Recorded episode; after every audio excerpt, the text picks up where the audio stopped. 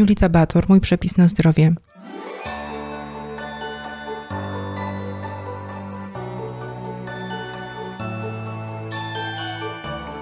Witajcie w moim świątecznym podcaście. Dzisiaj będzie mowa o tym, jak w miarę zdrowo przeżyć święta.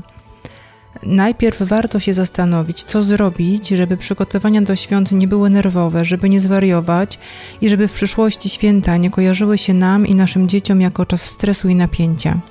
Na temat świąt rozmawiam w swojej najnowszej książce Przepis na zdrowie z panią Marią Berlińską. Pada tam z jej ust złota rada, którą ja wzięłam sobie do serca i polecam innym. A mianowicie, że jeżeli nasze dzieci, ale też i my dorośli, mamy kojarzyć święta jako coś przyjemnego, to musimy przygotowywać je w spokojnej atmosferze, bez nerwów, bez napięcia, bez oczekiwania, że wszystko będzie idealne i perfekcyjne. Na Wigilii u pani Marii przez wiele lat, to znaczy kiedy dzieciaki były małe, pierogi nie miały farszu. Ale to było najmniej ważne. Najważniejsze było to, że oni całą rodziną te pierogi przygotowywali. Teraz mają fajne, radosne wspomnienia oraz co nie mniej istotne, wszyscy potrafią lepić pierogi. Tak dotarliśmy do kulinarnej strony świąt. Ja staram się i na co dzień, i od święta modyfikować tradycyjne przepisy w ten sposób, żeby były zdrowe, a równocześnie smaczne. Największym wyzwaniem są dla mnie zawsze słodkości, a to z powodu cukru. Cukrujemy wszyscy za dużo na co dzień, a w czasie świąt przekraczamy wszelkie dozwolone limity, mimo iż naprawdę staram się, żeby było go jak najmniej w naszej diecie. U siebie w domu najpierw zastąpiłam biały, rafinowany cukier innymi środkami słodzącymi. Warto sobie w tym miejscu uświadomić, że nie ma słodzika idealnego. Najbardziej naturalny jest niepasteryzowany miód z pewnego źródła, który tradycyjnie dajemy do pierniczków. Przy czym musimy pamiętać, że w wysokiej temperaturze traci on swoje dobroczynne właściwości. Dlatego warto używać go przede wszystkim do tych słodkości, których nie pieczemy. Oprócz tego używam cukru nierafinowanego, który ma tę przewagę nad białym, że ma w składzie melasę bogatą w minerały. Do wypieków można zamiast cukru dodać syrop klonowy lub z daktyli. Syrop z daktyli robimy w ten sposób, że daktyle bez pestek zalewamy gorącą wodą na około 10 minut, wodę odlewamy, a daktyle miksujemy na gładką masę. Do niektórych wypieków możemy dodać cynamon, który lekko słodzi, a oprócz tego obniża poziom cukru we krwi. Modne ostatnio alkohole cukrowe jak ksylitol czy erytrytol mają swoje plusy i minusy. Są świetne dlatego, że mają konsystencję podobną do białego cukru. Nie podnoszą poziomu cukru we krwi, co jest istotne dla osób chorujących na cukrzycę, insulinooporność czy odchudzających się. Ich minusem jest to, że nie są naturalne oraz że w niektórych jednostkach chorobowych, jak na przykład choroba jelit zwana SIBO, są zakazane. Przede wszystkim zaś warto po prostu ograniczać ilość cukru i jego zamienników w tradycyjnych przepisach. Biorąc do ręki tradycyjny przepis na dzień dobry, obniżam w nim ilość cukru, zazwyczaj o jedną trzecią, czasem o jedną drugą, a następnie stosuję jakiś zamiennik białego cukru.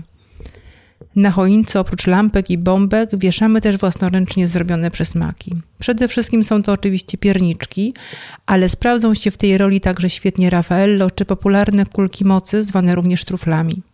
W kontekście słodyczy warto wspomnieć o bakaliach.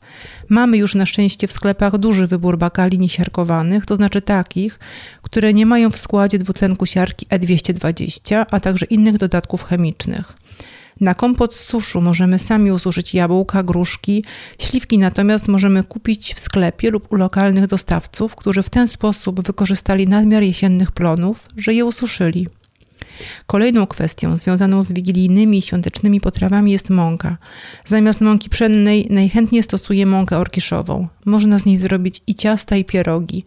Piernik piekę z mąki żytniej, natomiast pierniczki robimy w trzech wersjach: z mąki orkiszowej, żytniej i gryczanej. Na wigilijnym stole nie może zabraknąć też ryb. Ryby to nomen omen temat rzeka, którego dzisiaj na pewno nie wyczerpię. Z jednej strony ryby to dobre źródło białka i kwasów tłuszczowych omega-3, z drugiej zaś ryby kumulują w sobie zanieczyszczenia. Które ryby na pewno trzeba omijać szerokim łukiem?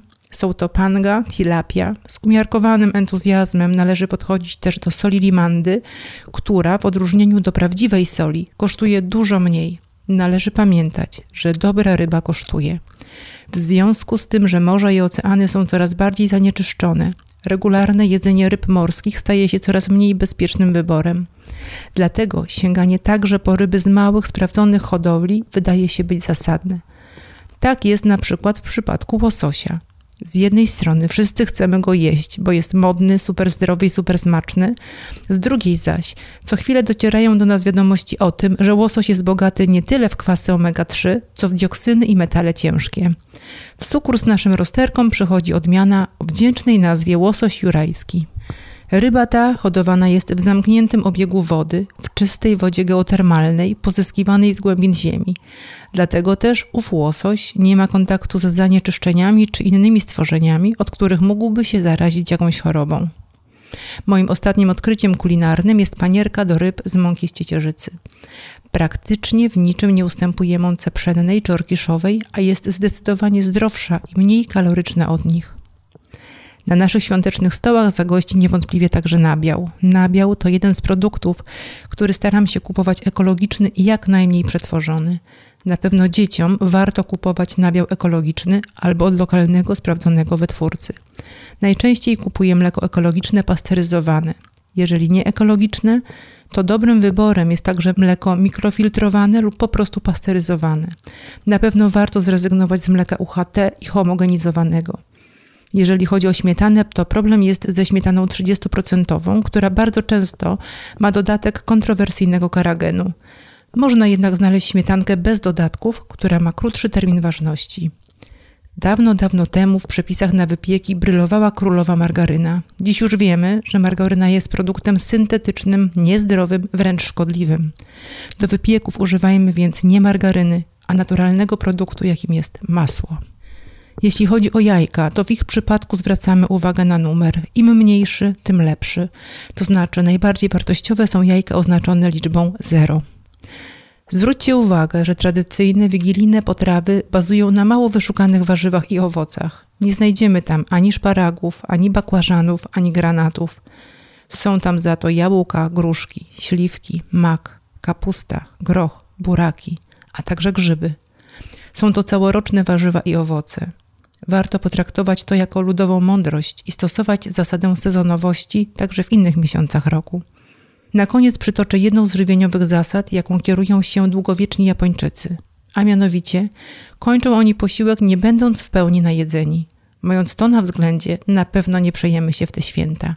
A jeżeli jeszcze do tego będziemy pamiętać, żeby się przespacerować, to nie grozi nam ani niestrawność, ani dodatkowe kilogramy.